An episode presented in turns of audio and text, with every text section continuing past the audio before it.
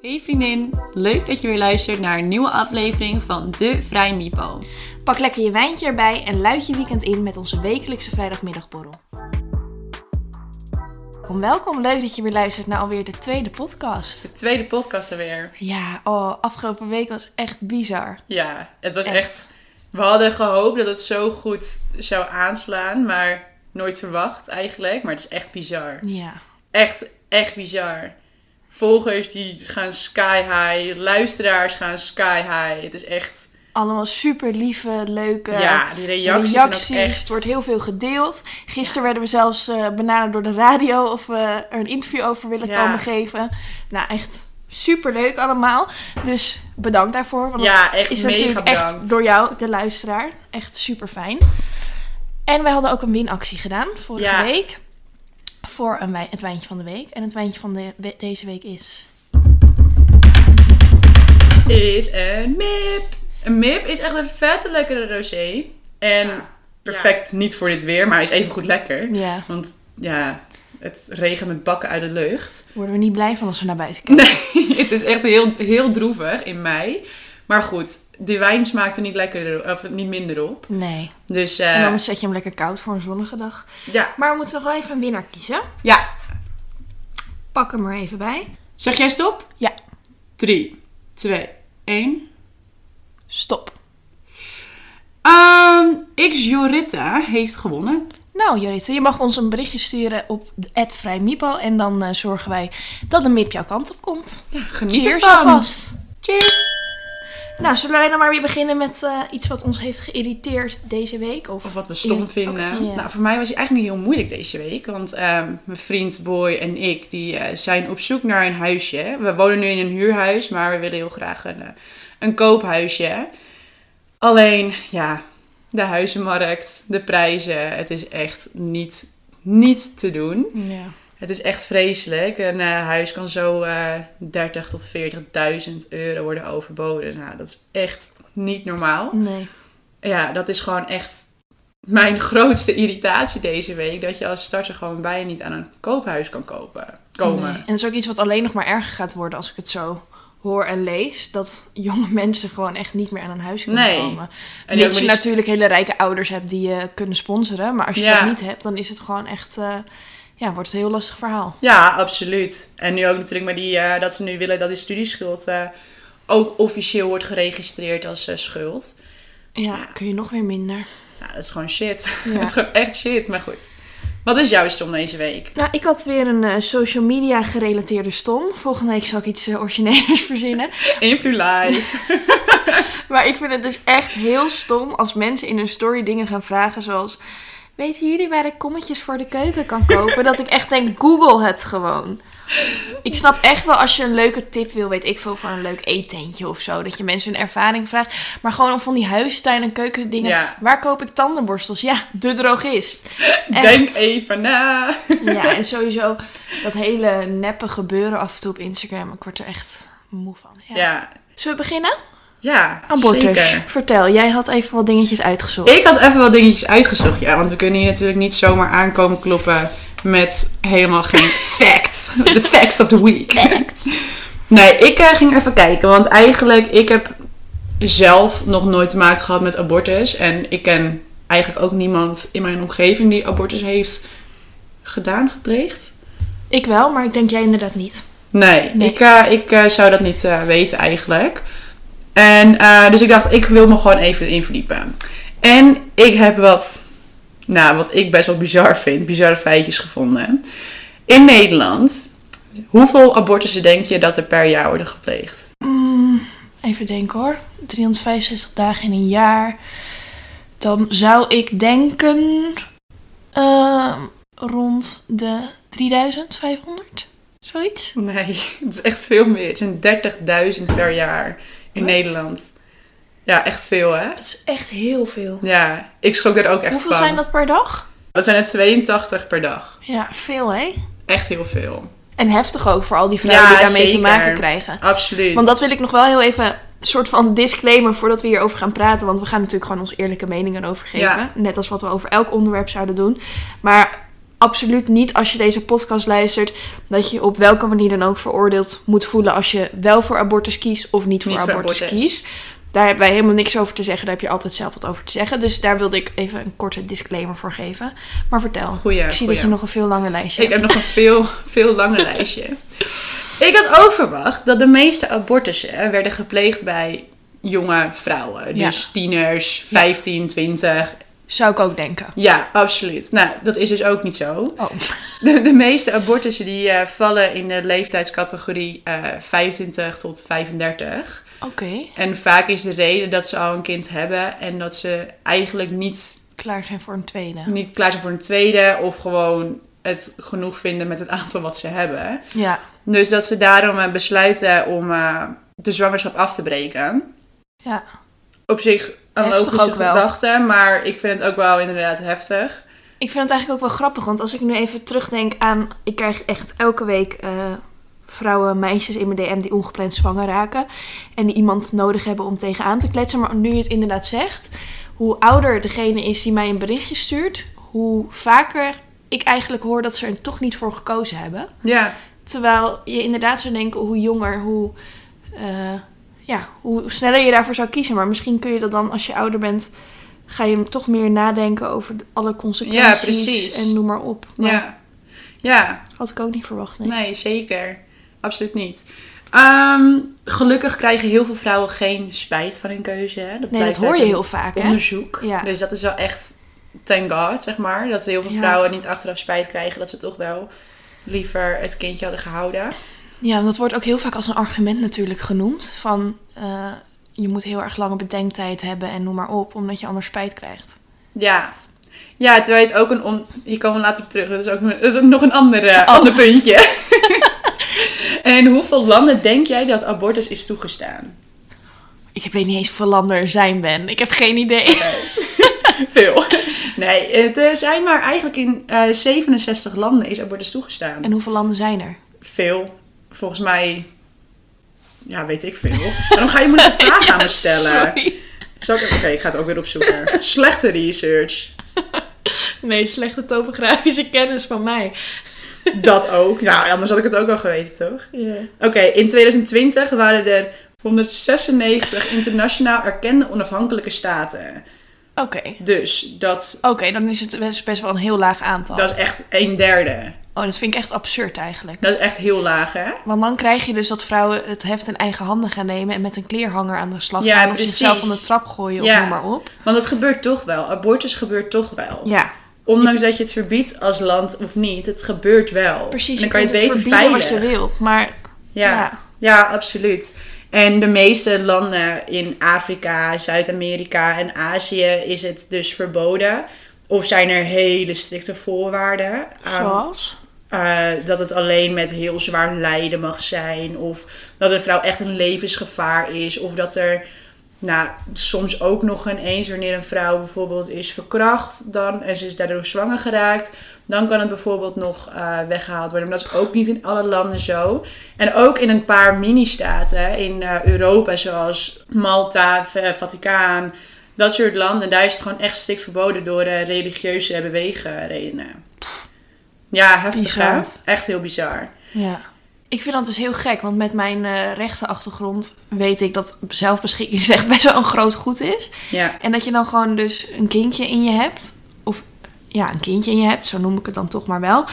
En dat je daar niet zelf over kan. Dat je Ja. dat misschien wel helemaal niet wilt. Want een zwangerschap, hoe je het ook bent of keert, je hele lijf wordt ondersteboven gekeerd, wordt helemaal Absoluut. overgenomen. Het, het is echt heel heftig. ja. En ja. dat je daar dan niet zelf over kan beslissen, vind ik echt wel pittig. En zelfs met deze uitzonderingen die bijvoorbeeld eh, Polen en South Carolina in Amerika dus hebben, is het nog steeds niet een gegeven dat, je, eh, dat elke arts jou accepteert, zeg maar. Dat die de handeling wilt eh, doen.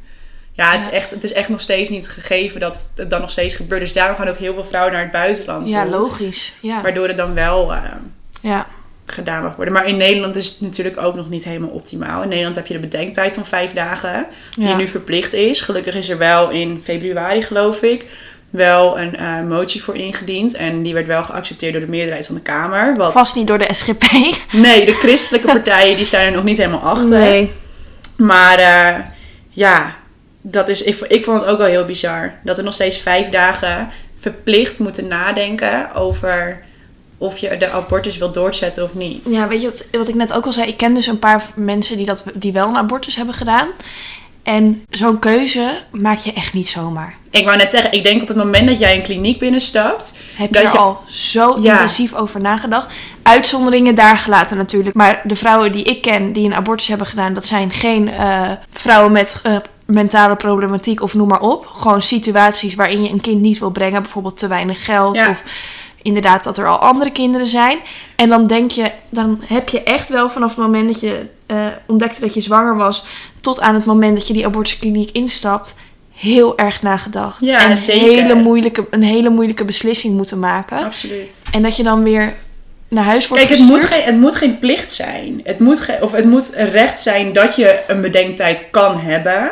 Maar het moet je niet verplicht worden. Ik denk dat het ook al zo'n emotionele rollercoaster is waar je al in zit. En dat je dan ook nog eigenlijk weggestuurd wordt. Ja, En daarna weer terug moet. Ik denk dat dat zo emotionele schade kan opleveren. ja. Aan de andere kant bedenk ik nu dat ik ook iemand ken, Kirsten, die heeft nu een dochtertje van Sam's leeftijd. En die is super gelukkig met haar. En die had een afspraak staan bij de abortuskliniek. En ik geloof dat zij nog in haar bedenktijd zat.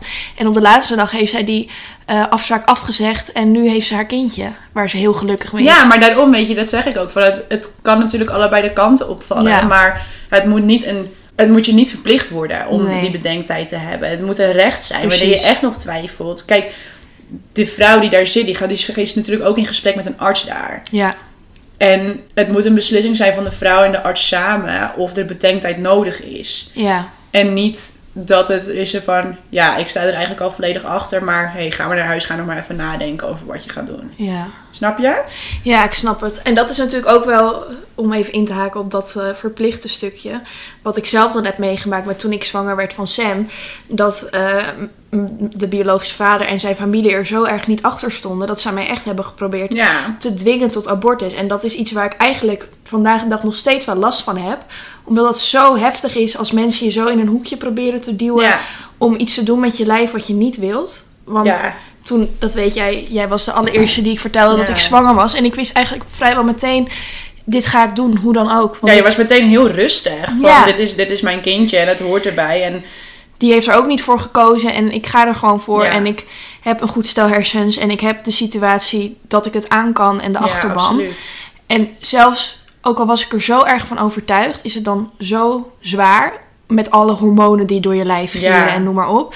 Dat andere mensen proberen om je over te halen. Er is toen zelfs een keer gezegd van hoeveel geld heb, wil je hebben om wel een abortus te doen. Ja, dat zijn gewoon dat echt, is toch te zot voor woorden, dat zijn echt hè? ziekelijke dingen. Dat is gewoon, dat is gewoon omkopen. Dat is letterlijk omkopen. Dat is volgens mij ook gewoon strafbaar. Maar goed, Ja, dat daar gelaten. Eh, dat is dan weer de andere kant. En ik Mijn ken ook verhalen van meisjes waarvan de ouders zeggen: ja, als je het kindje houdt, dan gooien we je het huis uit. dat is toch bizar? En met mijn ouders kan ik me dat echt niet voorstellen, maar dat lijkt me zo heftig. Als je familie niet achter je staat.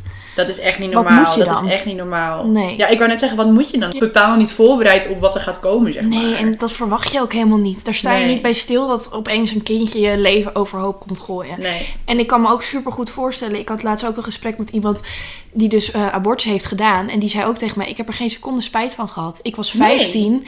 Ik zat nog op de middelbare school. Ik raakte zwanger. Ik had toen echt niet voor een kind kunnen zorgen. Nee, maar... Als, ja. het, ze zei ook, als het me nu zou overkomen, zou ik er misschien weer heel anders in staan. Maar toen was dat voor mij echt 100% de juiste keuze. Ja. En ook voor het kindje, want ik had het kindje niks kunnen bieden. Ik was zelf echt nog een kind. Ja, precies. Ik wou net zeggen, als zou ik 15... Oh, kijk nu naar mijn 15-jarige ik. Nou, nou, we hebben het vorige week natuurlijk ge- gehad over eh, lang leven de lol. Nou, er had echt geen kind bij gepast hoor. Nee. Echt niet. Dat echt, nee, dat had niet... Nee, eh, en dat is dus ook, het is echt zo per situatie verschillend. Gisteravond kreeg ik ook weer een berichtje van iemand die aan me vroeg: Ik weet niet wat ik moet doen. Ik, mijn gevoel zegt houden, maar aan de andere kant denk ik ook van: Ik heb geen goede basis. En hoe wist jij nou dat je geen abortus wilde doen? Ja, ja, dat was voor mij echt een gevoel. En ik dacht: als ik, als ik niet op mijn gevoel afga, dan ga ik wel de les van mijn leven spijt krijgen. ja, maar inderdaad, dat is jouw keuze inderdaad geweest. Maar dat kan je nooit voor iemand anders bepalen. Nee. Hoe staat jij eigenlijk tegenover abortus? Voor jezelf dan?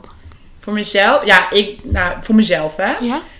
Ik, ehm, als ik nu zwanger zou raken, zou dat absoluut niet gepland zijn. Maar ik denk wel, omdat ik nu, ik heb nu drie jaar een relatie, zo een relatie. drie jaar een relatie met mijn vriend. Dus we zijn redelijk stabiel. En we hebben een huisje en ik ben bijna klaar met school. En ik, heb, ik hoop dat ik zometeen wel gewoon een vaste baan kan krijgen. Dus ik denk dat ik nu niet de keuze zou maken voor abortus. Maar ik denk dat ik dat nu niet kan beslissen.